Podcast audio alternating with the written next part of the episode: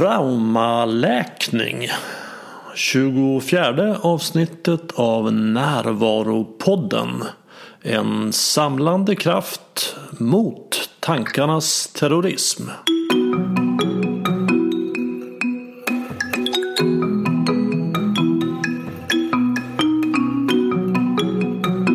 Det här är Bengt Renander. Och jag vill börja med att säga att den 6 december håller jag en föreläsning om tantra sex. Tantra och närvaro går ju verkligen hand i hand. Och på föreläsningen så kommer jag att berätta mer om vad det innebär att älska tantriskt. Och om hur du eller ni kommer igång med det. Alla föreläsningar hittills har varit fullbokade och det kommer förmodligen den här också att bli. Så vill du ha en plats, anmäl dig nu via min hemsida renander.nu under fliken föreläsningar. Nu till dagens möte. Kristina Pettersson är psykoterapeut, mindfulnessinstruktör och dansterapeut.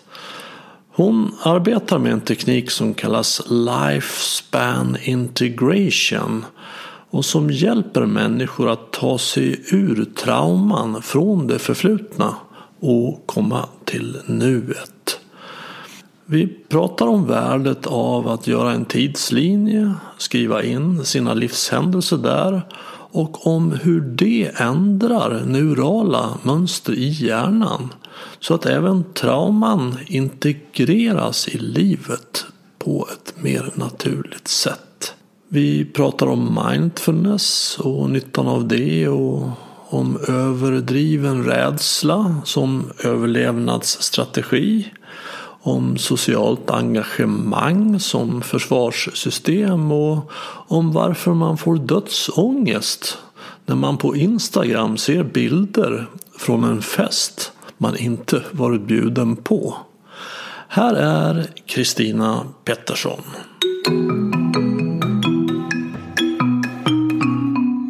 Jag jobbar allra mest med en metod som heter Lifespan Integration och när det gäller terapi så gör jag det. Annars är det också mycket det här med mindfulness. Okej, okay, så lifespan integration och mindfulness. Ja. Och om vi börjar med lifespan integration, vad, vad är det för någonting då? Det är en metod för att bearbeta trauman bland annat. För att hjälpa en person att hamna i nuet kan man säga.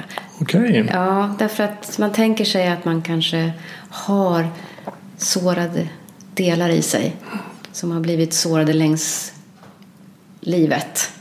Och om man får integrera de delarna ordentligt så kan man mycket lättare vara i nuet. Och Lifespan Integration är en sån metod som är bra för att bearbeta trauma av olika slag men också för att ändra beteendemönster. Mm, ja, du, du, vi träffades väl förra året tror jag och du berättade lite om ja. den metoden. Jag tyckte det lät så spännande. Precis, det är en väldigt spännande metod. För att, och i synnerhet när du säger att det, det, handlar om att komma till nuet. För mig är ju nuet verkligheten. Ja. Att vara här i verkligheten ja. istället för att vara fast i något förflutet. Ja.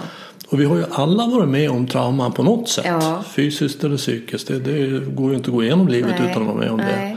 Och de här kan ju verkligen hålla oss fast. Många har ju framtiden, rädsla som fram, för framtiden som främsta närvarotjuv. Men många har också det förflutna. Så berätta, hur går det till då? Vad... Ibland är det så att vi inte kan, det räcker inte med att, mm, att tänka att jag måste vara i nuet, det förflutna har hänt. Och det kanske fungerar när vi sitter i en meditationsövning eller när vi är ohotade på olika sätt, vi sitter och pratar, då kan man vara i nuet. Men sen så kommer någon händelse, någon situation som gör att vi agerar på ett sätt som vi inte tycker, som kanske inte är så adekvat. Vi blir onödigt arga eller jätterädda för att bli lämnade eller som faktiskt är lite överdriven. Mm -hmm. Verkligen, det, det känner man ju igen. Ja, och då tänker man sig att det är någonting från det förflutna som spökar som gör att vi faktiskt inte kan vara i nuet vid det ögonblicket. Okej, så jag märker att, att jag har en, en överdriven, en inadekvat reaktion på någonting. Jag tycker det här, var det här känns ju Mm. inte riktigt relevant. Här är det förmodligen något, men jag vet inte vad. Ja, Då kan man komma till dig. ja. det skulle man kunna Ja, säga. jag märker att det, är så svårt till exempel när någon ska gå ifrån och lämna avsked. är väldigt svårt Ja. Mm. för mig. Jag vet inte varför. Men jag märker att det är så. Då kommer jag till dig. Ja, så skulle man kunna säga. Ja, hur, hur börjar du då? då? Eh, då börjar jag med att man får skriva ner en tidslinje. Så man skriver en, eh, en tidslinje över sitt liv helt enkelt. Antingen gör man det själv eller så gör man det tillsammans. Beroende på hur livet har sett ut så kan man ibland tycka att det är lättare att göra det tillsammans. Okej, så man ritar upp en linje på ett papper. Ja, det skulle man kunna säga. Och så skriver man händelserna i I kronologisk ordning. födelse och Ja, börja skolan och konfirmation och fick stryk av pappa och Ja. blev lämnad av mamma och Ja. vad det nu kan vara för någonting. Så en händelse från varje år av ditt liv. Okej, Så det ganska, kan bli en ganska lång lista. ja. Mm. Okej, och, och vad är det för händelser som du är speciellt intresserad av? Då? Det kan vara precis vilka händelser som helst. Mhm. Det handlar om att Det som dyker upp helt enkelt. det som dyker upp ja, Mm. när du tänker på det året. När du var sju, började första klass Okej. kanske. Ja, Ja, och det handlar egentligen bara om att psyket ska förstå att åren har gått. Eh, hjärnan eller vad man ska säga, hjärnan eller psyket bryr sig liksom inte om vad det är för minnen. Även om jag kan känna jättemycket saker kring något visst år och eh, smärta eller vad som helst. Det spelar liksom ingen roll. Det kan vara ett neutralt minne. Men hjärnan ska förstå att åren har gått. ja för det förstår inte hjärnan rent spontant. Hjärnan ser ingen skillnad på fantasi och verklighet. Nej. Nej, det är ju någonting som jag återkommer till ofta. Ja. Att, att vi, vi har liksom en, som en biograffilm i huvudet Ja. som vi förväxlar med verklighet. Ja, Och, och det är också intressant med tid. För det finns ju i alla fall minst två dimensioner av tid. En är att den all, det är alltid nu. så att den rör sig inte. Nej, det är den ena dimensionen. Och den andra dimensionen är att, att den rör sig. Alltså det finns ett förflutet, ett nu och en framtid. Ja. Men det är ju väldigt svårt. Liksom, var det här ett år sedan? Eller tio år sedan? Mm. Eller 50 år sedan? Alltså jag vet inte om det är ett tecken på åldrande. Ja. Men, men jag kan ha väldigt svårt att liksom skilja. Jag har, jag har väldigt starka minnen från jag var sju år. ja. Och kommer knappt ihåg vad som hände igår. Nej. Så att, att psyket har väldigt svårt att hantera tids, tid Ja. som någonting som löper på en linje. ja verkligen. Och det hjälper då den här tidslinjen till. Ja, och det är inte så att eh, t- eh, nödvändigtvis tiden blir på något sätt korrekt efter det här. Utan det, det är egentligen ett medel för att liksom för att det man kanske sitter fast i, det traumat man sitter fast i, liksom har liksom låst sig i mellanhjärnan kan man säga. Där vi har vårt kamp och flykt och hot, där vi, hotsystem. Och när det blir aktiverat då når inte signalerna fram till våra kognitiva delar där vi kan förstå vad som händer så vi slipper överreagera. Så tidslinjen hjälper egentligen bara till. Förstår du hur jag menar? Jag tror förstår. Alltså när jag var sju år så var det här farligt. Ja. Då var jag med om någonting som var farligt. Och sen så eh, går livet vidare. Jag är vuxen och den här händelsen är numera inte alls farlig att någon till exempel lämnar. Men hjärnan, om, den, om det här är kvar då ba- bara i mellanhjärnan så, så uppfattar den som det här, nu är det farligt igen. Ja. För den fattar inte att det har gått 40 Nej. år sedan händelsen. Och eh, vad du gör då är att, att du liksom får in Ja, det är väl neoncortex förmodligen, Ja, det det. alltså främre delen av hjärnan. Får, får en förståelse för att det här händer ju faktiskt inte nu. Det, var farligt då, men det är inte farligt nu. Nej. Så förstår jag det. Precis. Så om man väcker det här minnet till liv, bara lite grann, några liksom, eh, någon minut kanske, kanske kort, kortare ändå, så man får kontakt med den här känslan som man kanske kände då när man var sju år. Och sen väldigt snabbt därpå börja läsa den här tidslinjen. Så börjar man tänka samtidigt som man känner, så att säga. Okej. Och då släpper det sin kraft. Wow. Trauma ger ju neurala förändringar i hjärnan. Och eh, om man känner någonting och samtidigt är koncentrerad då blir det ett avtryck, en neural förändring. Man behöver alltså väcka känslan för att det ska kunna bli en förändring. Det måste avfyras nervimpulser för att det ska kunna ske någonting. Så man väcker känslan till liv men man lägger koncentrationen på någonting annat. När man var, var liten kanske koncentrationen var på det hemska som hände. Eh, men nu minns man bara vad som hände, väcker känslan men man lägger koncentrationen på ja, och så fick du en cykel. Och sen så åkte ni till Öland. Alltså man börjar läsa tidslinjen. Så då bygger man upp en ny neural nätväg. Och är det då för att lära sig att det här var inte så farligt som man då uppfattade det, eller?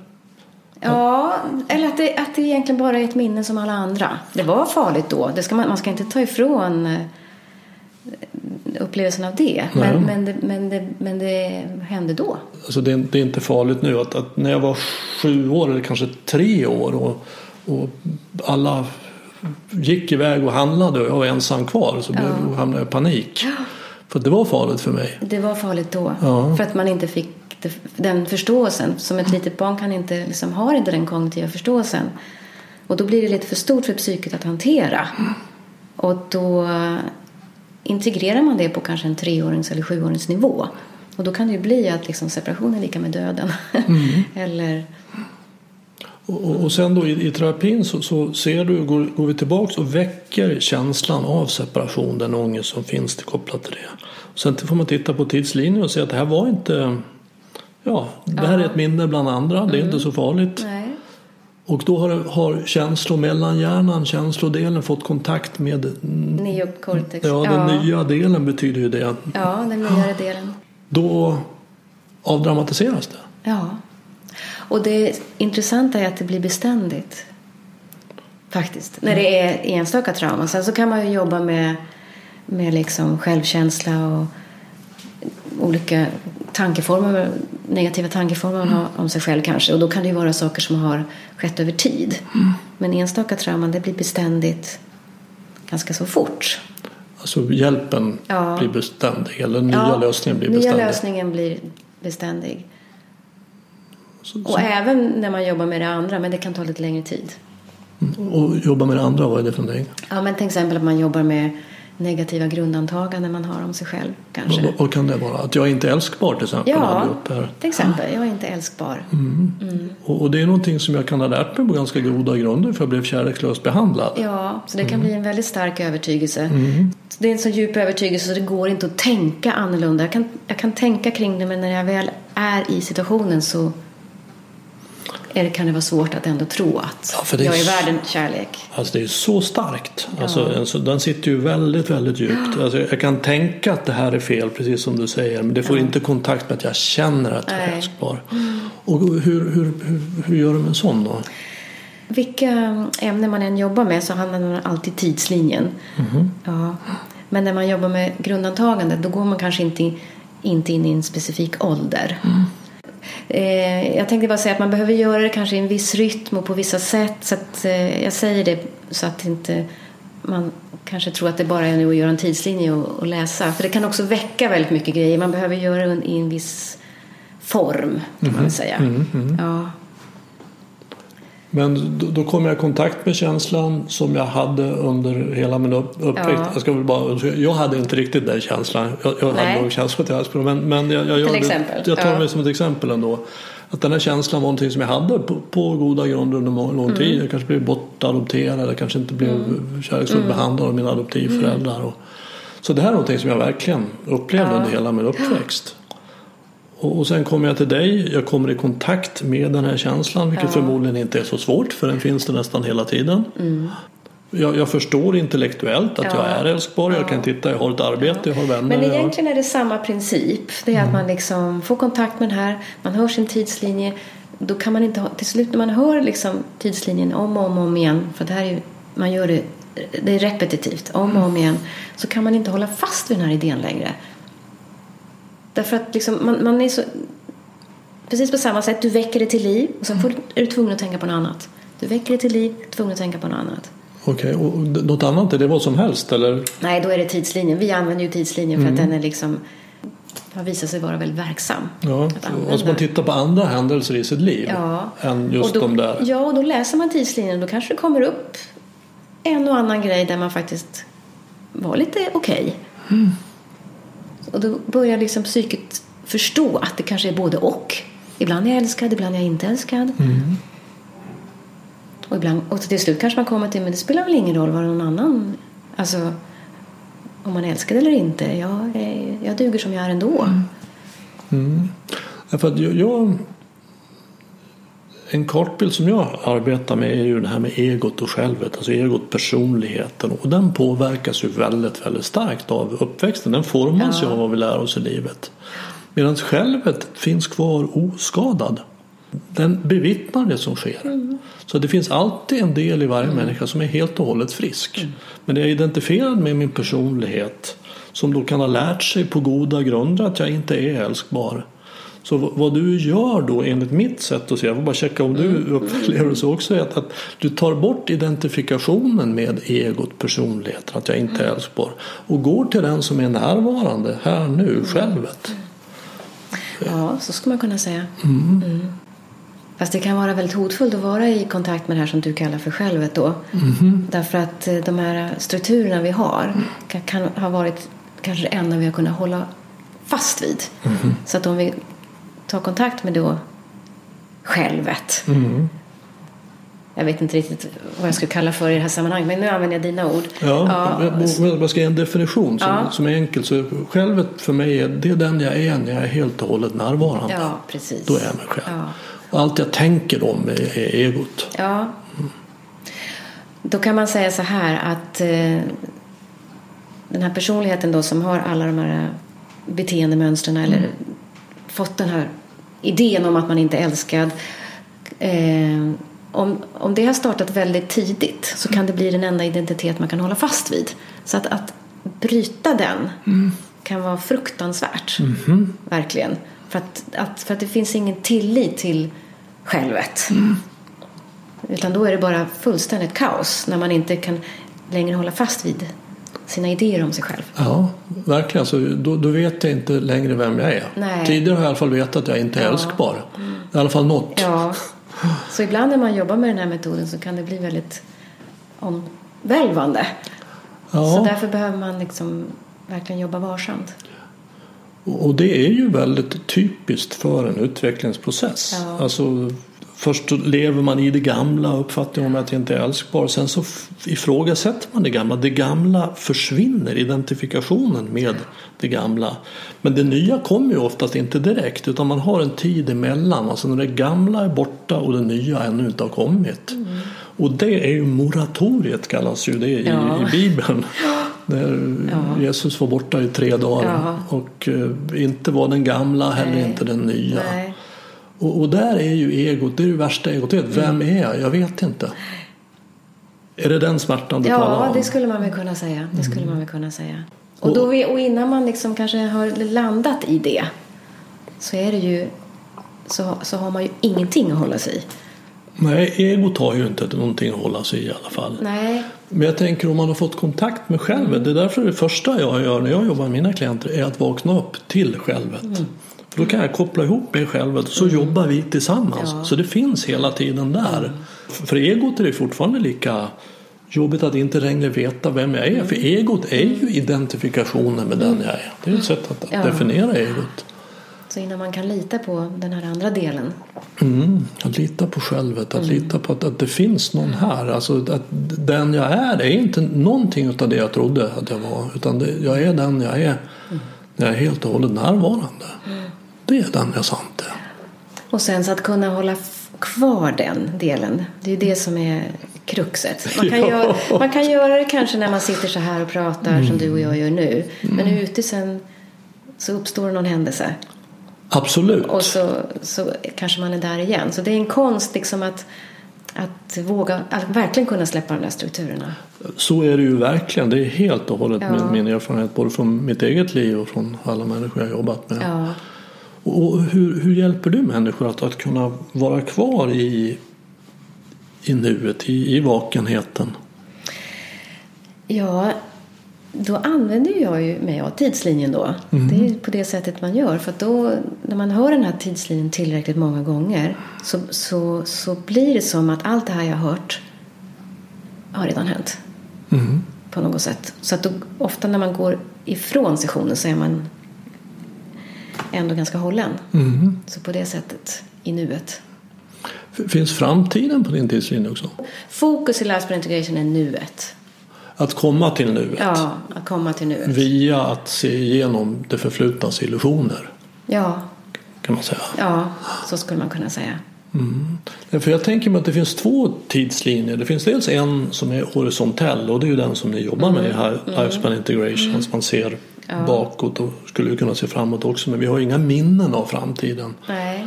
Så, men sen så finns det ju också en som är vertikal.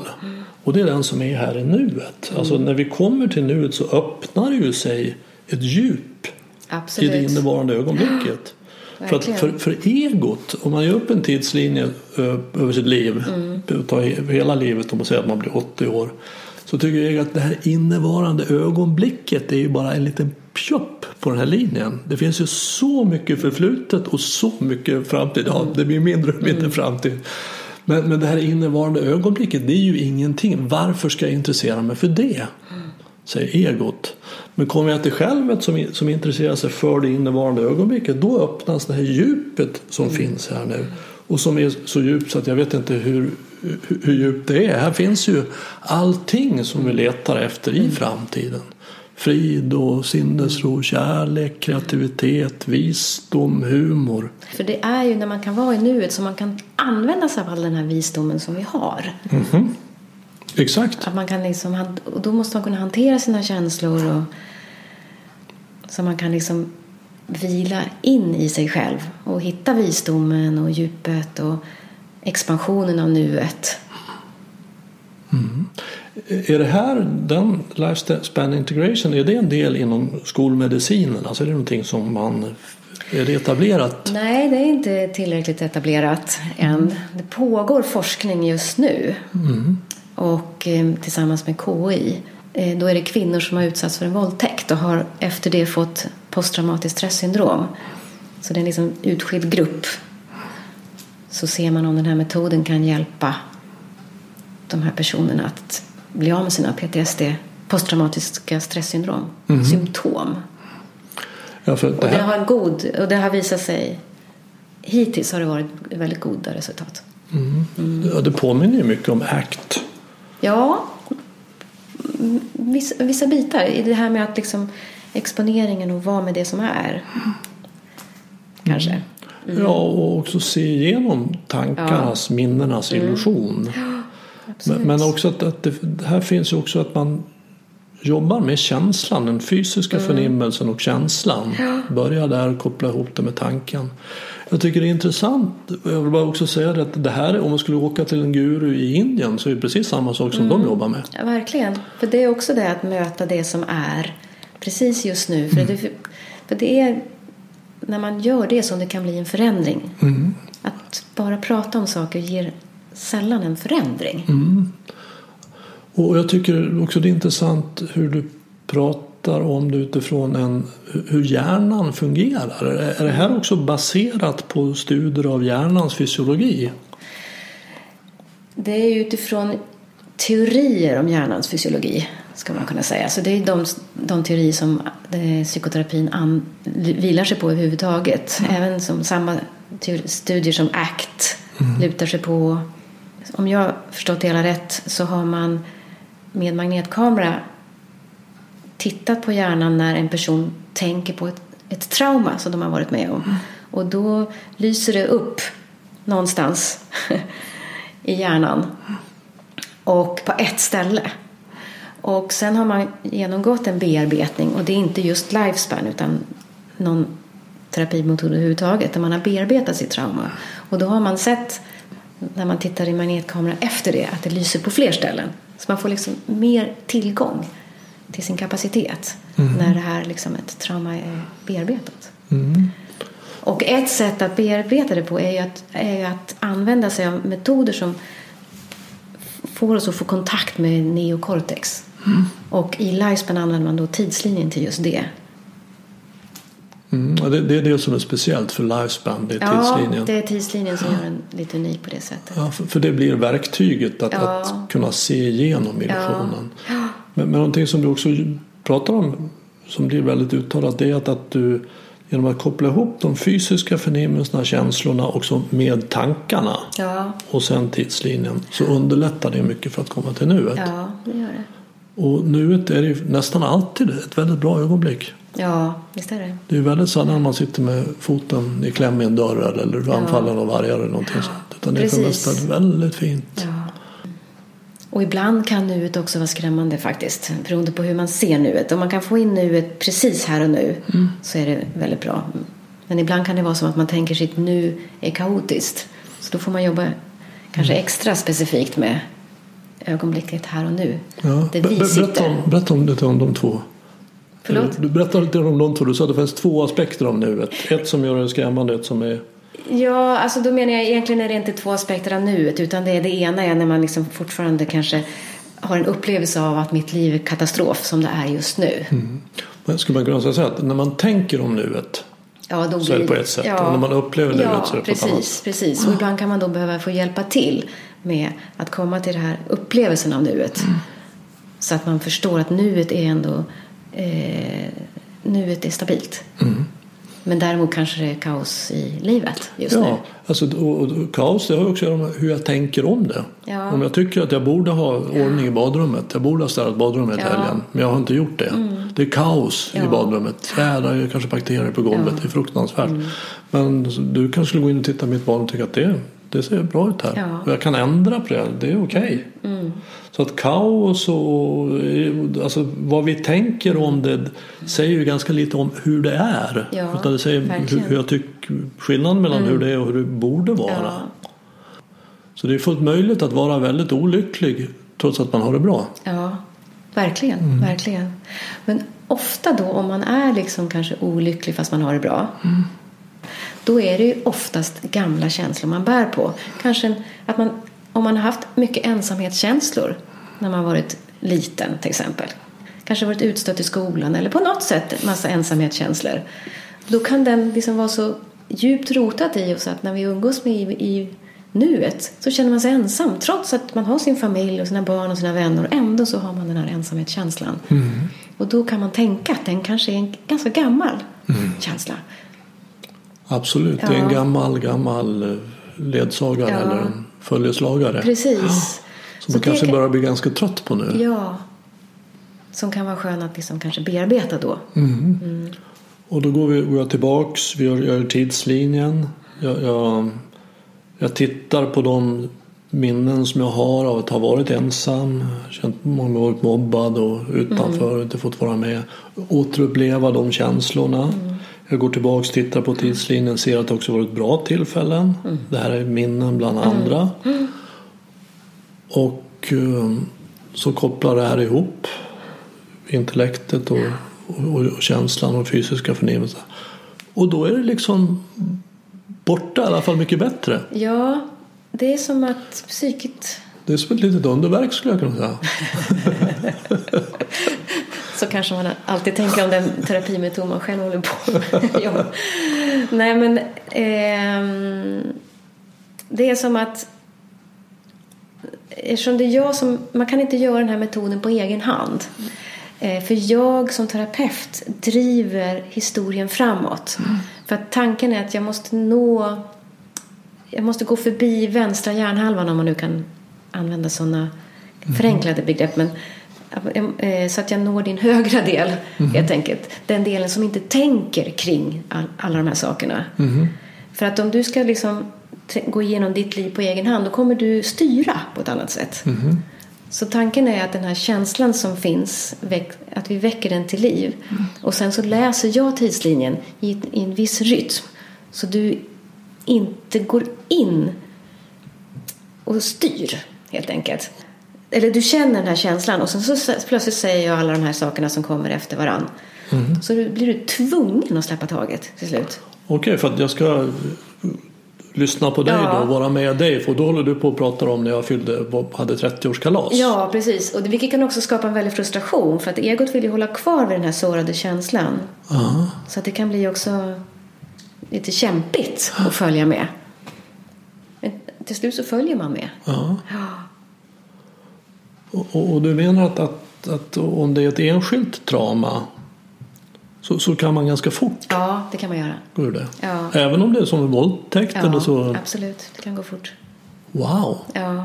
Och, och fort, vad, vad är fort för dig?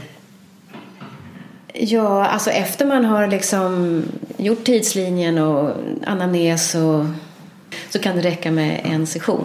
Om det är ett singeltrauma, det är inte, för den skull behöver det inte vara liksom ett enkelt trauma, men Nej. ett singeltrauma, då räcker det med en session oftast. Men ibland har man ju som terapi, man kan ju kanske ha, jobba ett helt år med olika saker innan man gör den här grejen. Och vissa kommer enbart för en sån specifik eh, händelse. Och, och, och det här har du huvudsakligen arbetat med nu, eller? Ja, det är det. Ja. Och sen, ja, plus mindfulness också då.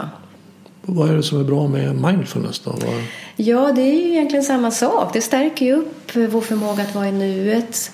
Det stärker upp vår förmåga att kunna hålla. För det är ju det som vi behöver träna upp. Att vi kan hålla de här lite jobbigare känslorna utan att, eh, utan att bli eh, för känslomässiga. Eller, och heller inte bli stum. Det jag menar med det är att ibland kan man meditera bort från allting också. Och då är man ju inte heller riktigt här och nu. Så att det är liksom, mindfulness handlar ju om att liksom vara med det som händer precis just nu. och acceptera det. Och acceptera det. Så att... Eh, ja, så mindfulness är, för, är väl för mig, och det är väl för alla, att, att, eh, att vara öppen för det som händer. Och se sina egna reaktioner på det som händer. Notera och uppleva dem. Och acceptera det, precis som du säger. Mm. Och det, på det sättet går det väldigt ihop med Lifespan Integration.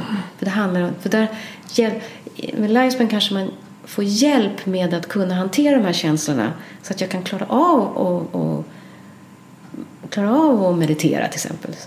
Eller klara av att vara mindful.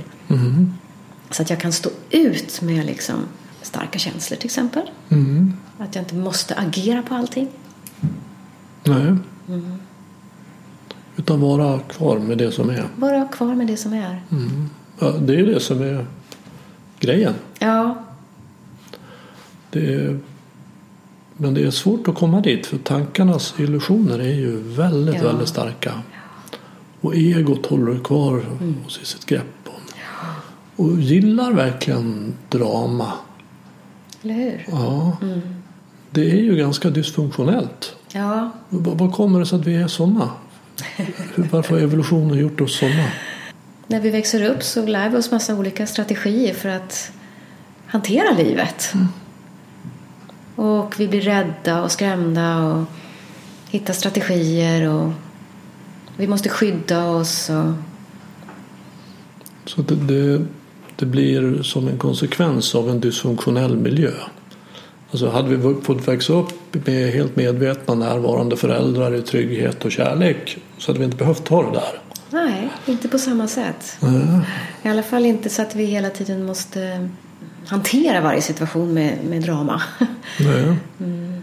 Och sen så tänker jag också att rädsla är ju en evolutionärt gynnad känsla. Ja, Så att, att de som har varit ju. rädda har överlevt. Så att, ja, att vara överdrivet rädd är inte roligt. Det blir ett jobbigt liv Ja. men jag överlever. ja Och precis. att då vara helt orädd är ju Ja. härligt för då kan jag prova allt. Men, men sannolikheten att jag får reproducera mig minskar ju. Men, men det har ju lett till att vi är ju väldigt hög grad överdrivet rädda. Ja, För att det vi lever i en mycket trygg Ja. värld. verkligen. Och det är ju, man pratar ju numera kanske om tre försvarssystem. Eh, tidigare var det mycket mer det här liksom kanske kamp och flykt och, eller freeze.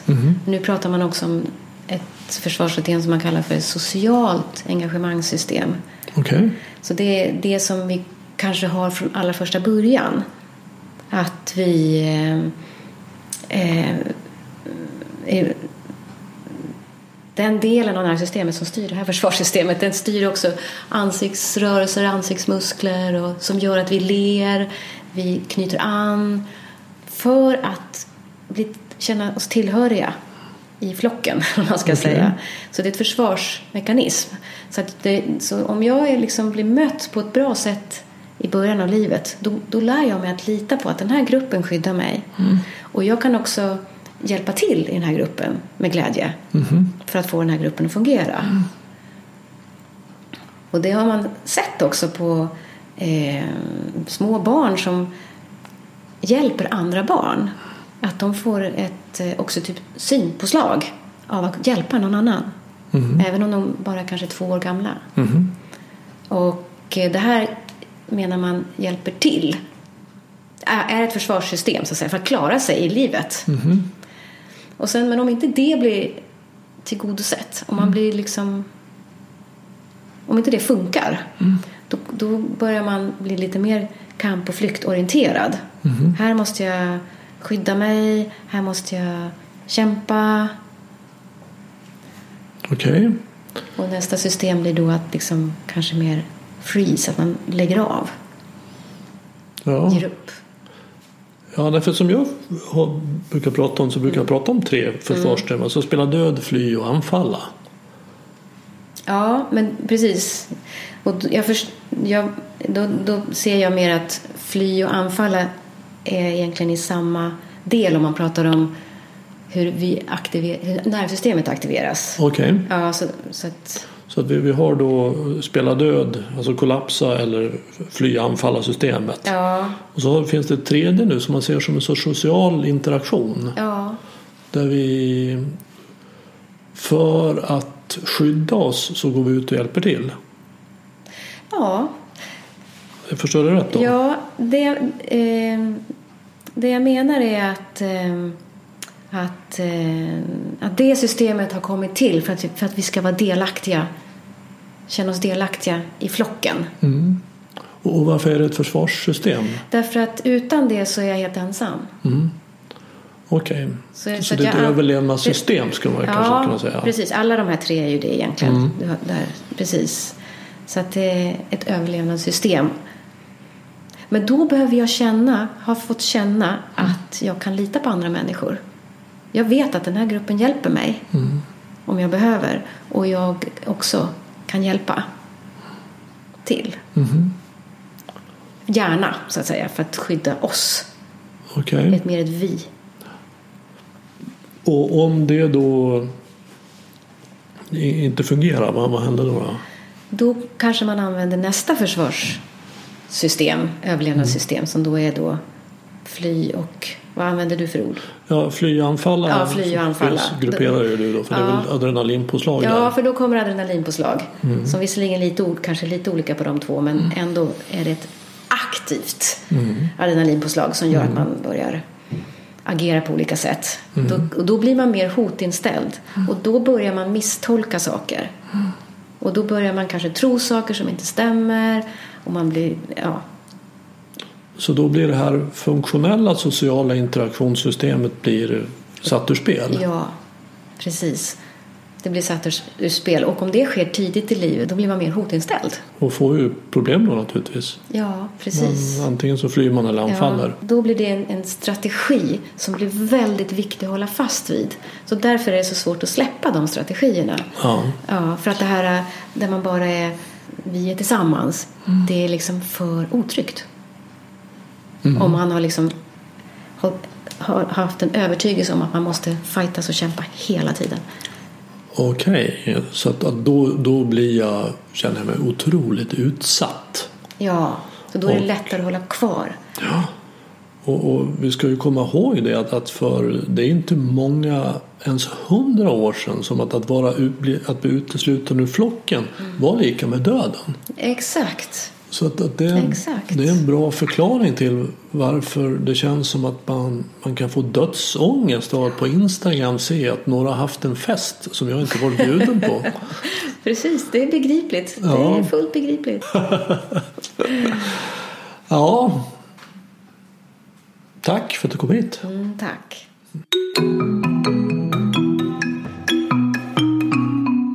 Om du vill komma i kontakt med Kristina så finns en länk till hennes hemsida på min hemsida renander.nu. Vill du stödja podden i kampen mot tankarnas terrorism så gör det genom att tipsa om att den finns till vänner och bekanta. Dela den gärna på Facebook. Det är också hjälpsamt om du betygsätter och skriver kommentarer på iTunes. Desto fler vi är som är vakna i verkligheten ju mer kan vi förändra den på riktigt. Och vet du någon som arbetar med att stödja andras närvaro och som du tycker borde vara med här så tar jag tacksamt emot tips. Tveka inte att kontakta mig och enklast gör du det via kontaktformuläret på min hemsida renander.nu. På återhörande och du var uppmärksam.